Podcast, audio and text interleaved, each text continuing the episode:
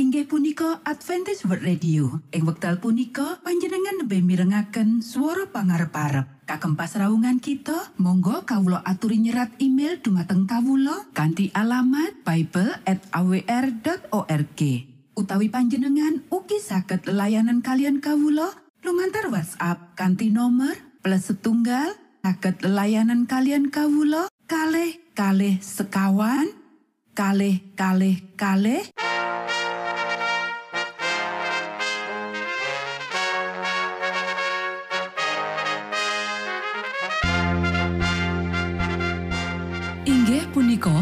Adventist World Radio ingkang giaran kanti basa Jawi. Tentrem Rahayu kula aturaken kagem para mitra kinasih ing pundi papan lan panggonan. Sugeng pepanggian malih kalian Adventist World Radio. Kanti bingahing manah Kulo badi sesarengan kalian poro mitra kinasi. Lumantar saperangan adicara ingkang sampun rinonci. Mligi kagem panjenengan sami.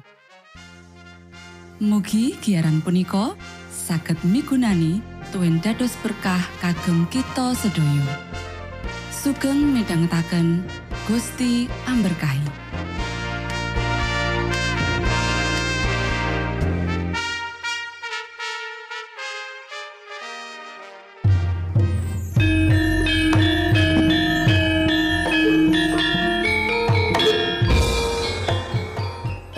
Para pamirsa kinasih ing Gusti Yesus Kristus.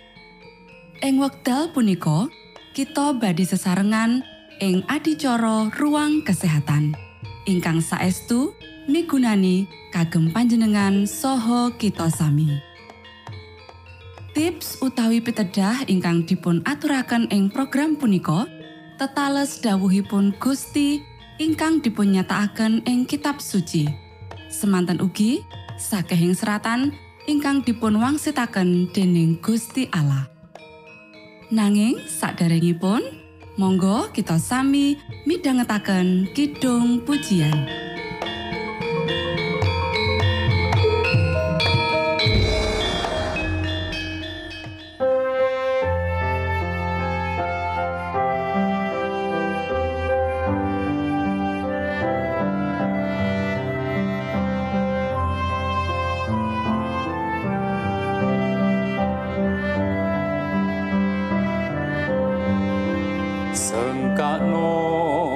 Gusti pranyata tumrap kang wis meh mati lan tumrap kang ngelak samyo kapringan tirta sakti. Manakang asor lan suci Gusti mirsa lan nampi kang samyo wuto ing driya antuk pandulu mukti. Sengkakno asmeng pamarto ing ajeng ing projalmi. Sinupre mratobat samyo dados wargane Gusti. Sengkakno Gusti pranyata jalmi mrih Gusti kapinanggih tumrap ingkang matosi kata tiang sekeng sami ngupati mrih basuki kanging sami marek mring Gusti sengkakno asmeng pamarto ing ajeng ing projalmi.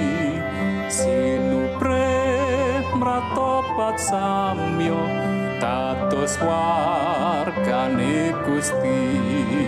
Sengkakno lan winartano putreng Allah kang suci Gusti panebus manungsa tan wonten kang ngandingi.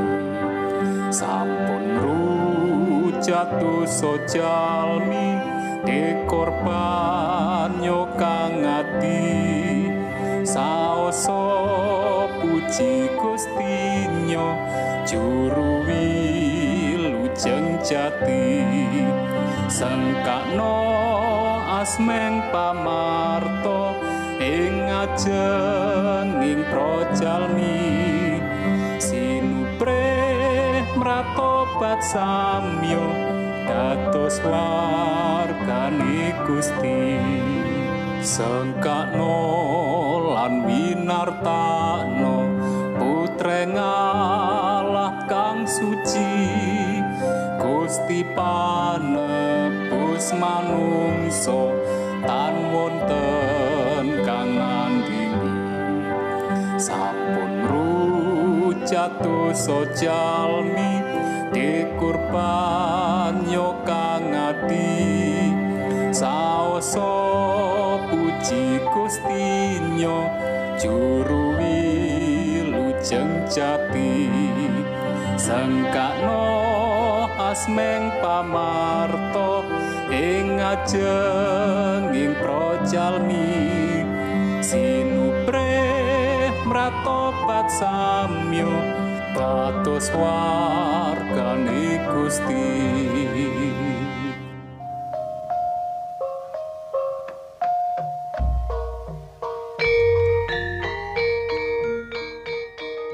Para Mitra Sutrisno Puji syukur dumateng Gusti ingkang murbeng dumati ingkang sampun kepareng paring wewenngan kagem kita.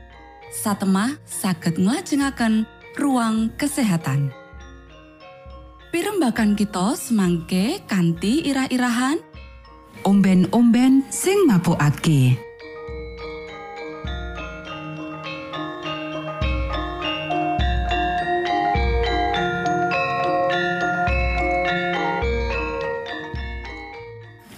Dumateng para pamiarsa ingkang dahat kinurmatan.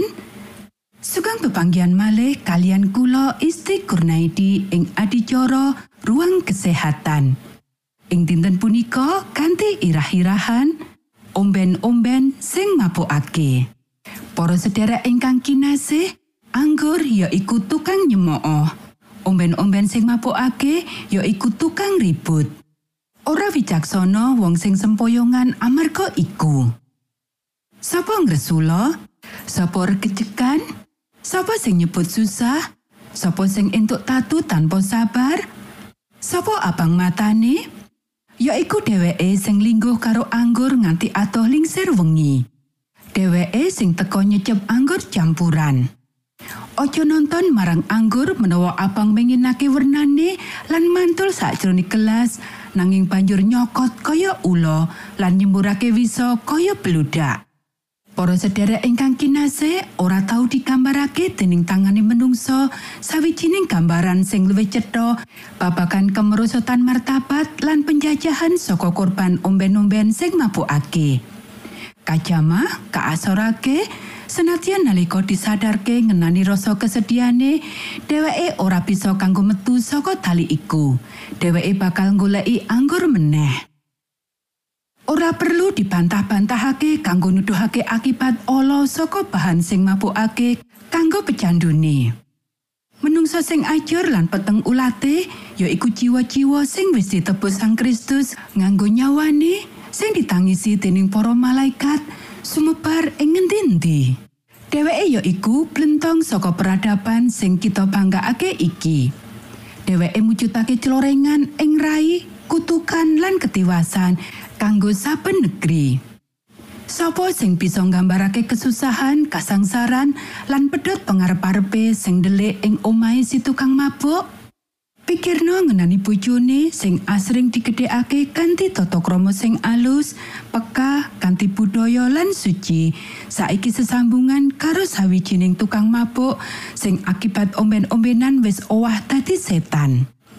Pikirno ngenani anak-anake sing kesenengane pendidikane lan pengajarane dadi kebanggaan lan pangayome wis keprosok marang donya iki Mikul rasa isin asring malah marisi kutukan keturunan kanggo condong dadi tukang mabuk.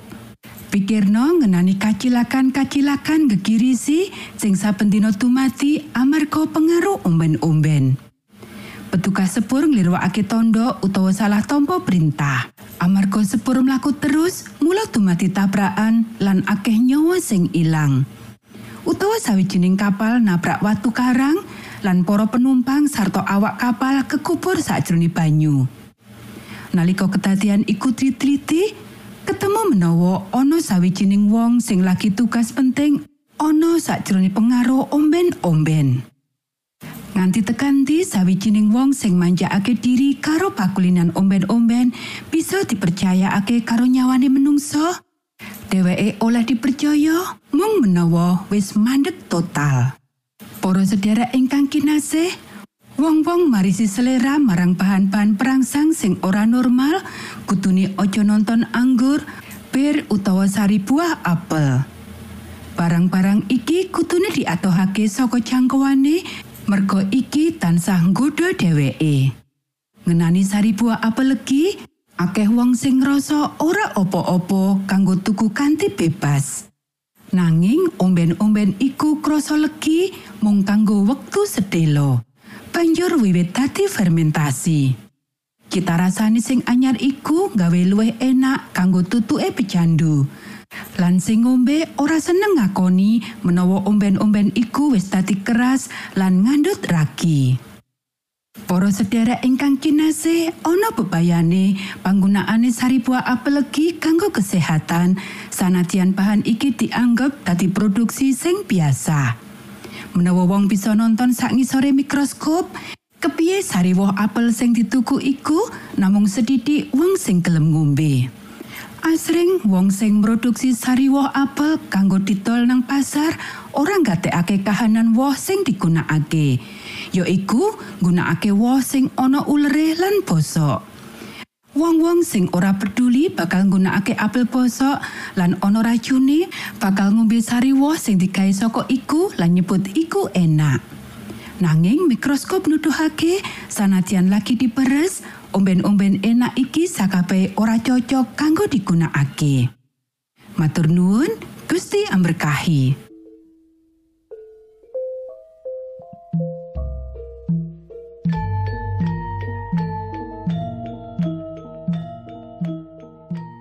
Cekap semanten pimbakan ruang kesehatan ing episode dinten punika. Ugi sampun kuatos jalaran kita badhe pinanggih malih ing episode sak lajengipun.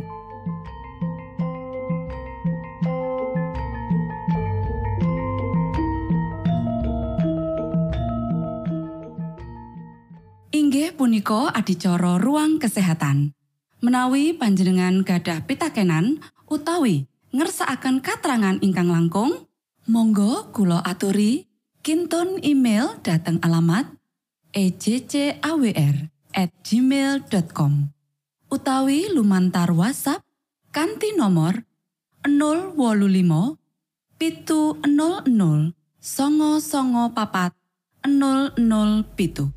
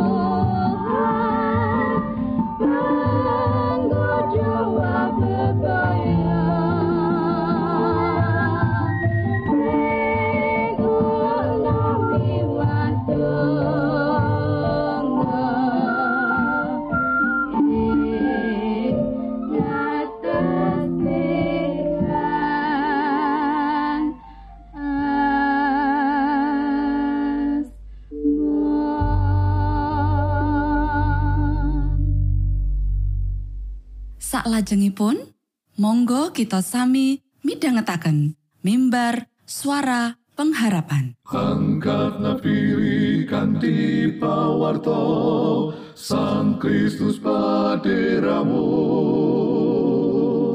Pro umat samyo puji asmanyo Sang Kristus paderamu Inggih punika mimbar suara pengharapan.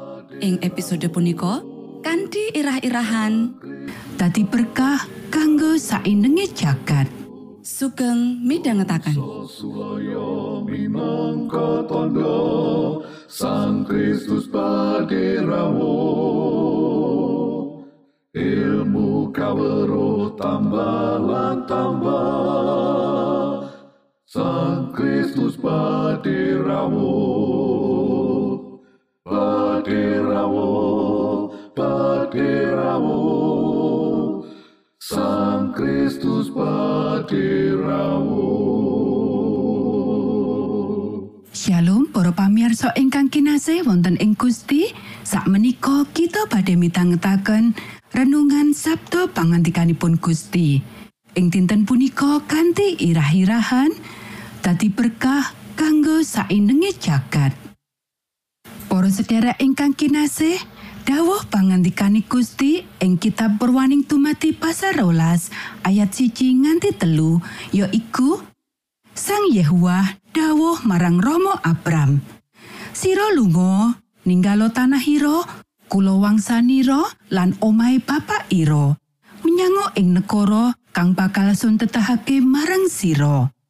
Sira bakal sun dadekake bangsa kang gedhe lan sun berkahi. Sarto jenengira sun dadekake luhur, tuwin sira bakal dadi berkah. Sopo kang berkahi sira mesti bakal sun berkahi. Kang ipati-pati sira bakal sun ipati-pati. Sarto sira bakal dadi jalarane para bangsa ing salumahing bumi padha binerkahan. Para sedherek ingkang kinasih, Gusti Allah paring dawuh marang Romo Abraham kanggo ninggalake negari lan bangsane supaya enggal lunga menyang papan panggonan liyane. Kuwi kabeh minangka perangan saka rancangane Gusti Allah kanggo nggunakake Romo Abraham supaya bisa genepi tujuan keilahiyane ing bumi iki. Lan Romo Abraham iya lunga miturut saka sabdaning Gusti Allah. Para sedherek ingkang kinasih, menawa Gusti Allah kagungan rancangan kanggo sampeyan, bisa wae menawa iki minangka timbalane kanggo sampeyan kanggo ninggalake keluarga utawa wong-wong kang cerak karo sampeyan banjur lunga ing papan panggonan kang nyoto kanggo sampeyan supaya bisa nglatosi panjenengane lan uga dadi berkah kanggo wong liyane. Para sederek, ayo padha diwaca lan disemak ayat-ayat iki Apa kang dipangandikake saka saperangan ayat babagan prajanjane Gusti Allah yaiku janjine marang kita? Perwaning dumati pasal telu ayat 15. Karo ingsun bakal ndadekake memungsuan ing antarane sira lan wong wadon iki. Lan ing antarane turunira lan turune wong wadon iki. Turune wong wadon iki bakal ngremuk endah sira lan sira bakal ngremuk tungkae. Sabanjure perwaning dumati pasal pitulas ayat songolas. Nanging pangantikane Gusti Allah. Ora, sanyoto Somahiro, Sarah, bakal nglairake anak patutan saka sira. Iku sira jenengno Iskak, kanggo Iskak iku ingsun bakal nganakake prajanjen ingsun dadi prasetyan kanggo marang turun-turune. Sabanjure, wilangan pasal 24 ayat pitulas. Panjenengane tak deleng nanging ora saiki. Ndak awasake nanging ora saka cedhakan. Ana lintang jedul saka Yakub. Ana teken keprabon jumedul saka ing Israel. Iku ngremuk pilingane Moab sarta gempur marang saking turune Set. Sabanjure Yesaya pasal songo ayat 6. Amarga ana bayi kang wus miyos kanggo kita. Ana putra kang wis kaparingake marang kita. Lambanging paprintahan ana ing pamidhangane lan asmane sinebut. Penasehat elok. Gusti Allah kang prakoso, Rama kang langgeng, ratuning katentreman. Sabanjure Daniel pasal songo ayat 24 nganti pitulikur. Pitung puluh kaping pitung mongso iku wis katetepake tumrap bangsamu lan tumrap kutamu kang suci. Kanggo nyirnakake duraka, kanggo nguwisi dosa, kanggo ngilangi kasalahan, kanggo nekakake keadilan kang langgeng, kanggo nganepake wahyu lan nabi, sarta kanggo njebati pasucen kang pinunjul. Sumrupa lan mangertia, wiwit kawiyosane pangandika mau, ya iku menawa Yerusalem bakal kapulihake lan kabangun maneh nganti rawuhe kang dijebati, ya iku sawijining ratu, iku ana pitu kaping pitung mangsa lan swidak loro kaping pitung mangsa lawase anggone kutha iku bakal kabangun maneh. Mawa alun-alun lan kalen nanging ana ing sajroning karupetan. Sawise swidak loro kaping pitung mangsa iku kang wis jinebatan mau bakal kasingkirake mongko ora ana kaluputane apa-apa. Kutha lan pasucian bakal kasirnakake dening balaning sawijine ratu kang bakal teka. Nanging ratu mau bakal tiwas kebanjiran sarta maneh nanti tekan ing wekasaning jaman bakal ana peperangan lan karusakan. Cunduk karo apa kang wis katetepake. Ratu mau bakal tambel apoting prajanjian iku tumrape wong akeh lawase pitung mangsa. Ing tengah-tengah pitung mangsa iku panjenengane bakal nguwisi korban sembelihan lan korban daharan. Juru pangrusak banjur bakal teko kalawan swiwining kanistan nganti karusakan kang wis katetepake tumempuh marang kang ngrusak mau. Sabanjure Matius pasal siji ayat selikur. Sarto Maryam bakal mbabar putra kakung. Iku namakno Yesus, awit iya iku kang bakal ngluwari bangsane saka ing dosane. Para sedherek ingkang kinasih, saka ayat-ayat ing dhuwur kanthi cetha menawa Gusti Allah bakal nggenepi janjine kang digawe ing patamanan Eden. Menawa bakal ana pawongan kang arep teka paring dalan saka babagan dosa. Dalan kuwi ya mung Gusti Yesus, Sang Mesias, kang bakal kalairake saka tedak turune Rama Abraham lan putrane Iska. Miyos saka Ibu Sarah. Para sederek, kitab Ibrani pasal 11 ayat songo kanthi cetha menawa Iskak lan Yakub dadi ahli warise saka janji berkah Gusti Allah kang diugemi karo Rama Abraham. Kita ora ngerti kanthi mesti sapiro atoe Rama Abraham dhewe mangerteni babene kang wis kajanjekake bakal lair saka tedak turune. Nanging Rama Abraham tetep tanggon ing iman. Mergo saka percaya, Romo Abraham bangun turut nalika katimbalan supaya bidal menyang ing panggonan kang bakal ditampeni dadi pusakane. Banjur bidal mongko ora mirsa ing ngendi papan kang bakal kacucuk. Ibrani pasal 11 ayat wolu. Ibu dadi contoh kanggo kita kabeh. Matur nuwun, Gusti amberkahi.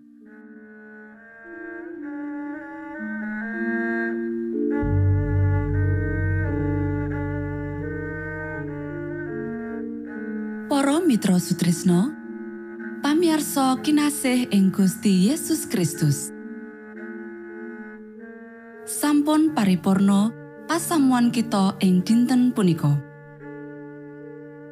Menawi panjenengan gadah pitakenan utawi ngersaakan seri pelajaran Alkitab suara nubuatan Monggo Kulo aturi kinton email dateng alamat ejcawr gmail.com utawi lumantar WhatsApp kanti nomor 025 pitu 00 songo songo papat 00 pitu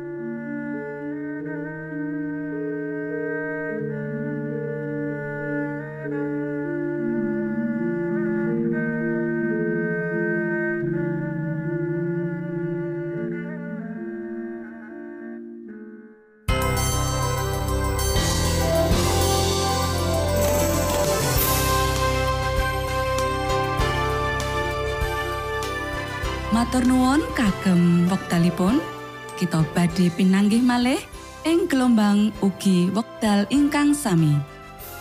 Saking studio kula ngaturaken tentrem rahayu. Gusti amberkahi kita sedoyo. Maranata.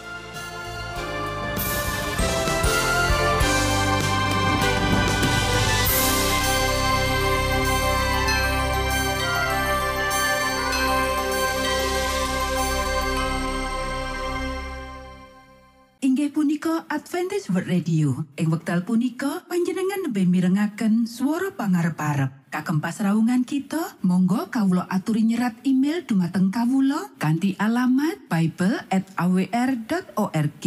Utawi panjenengan ugi saged layanan kalian kawulo lumantar WhatsApp kanti nomor plus setunggal saged layanan kalian kawulo kalih kalih sekawan kalih kalih kalih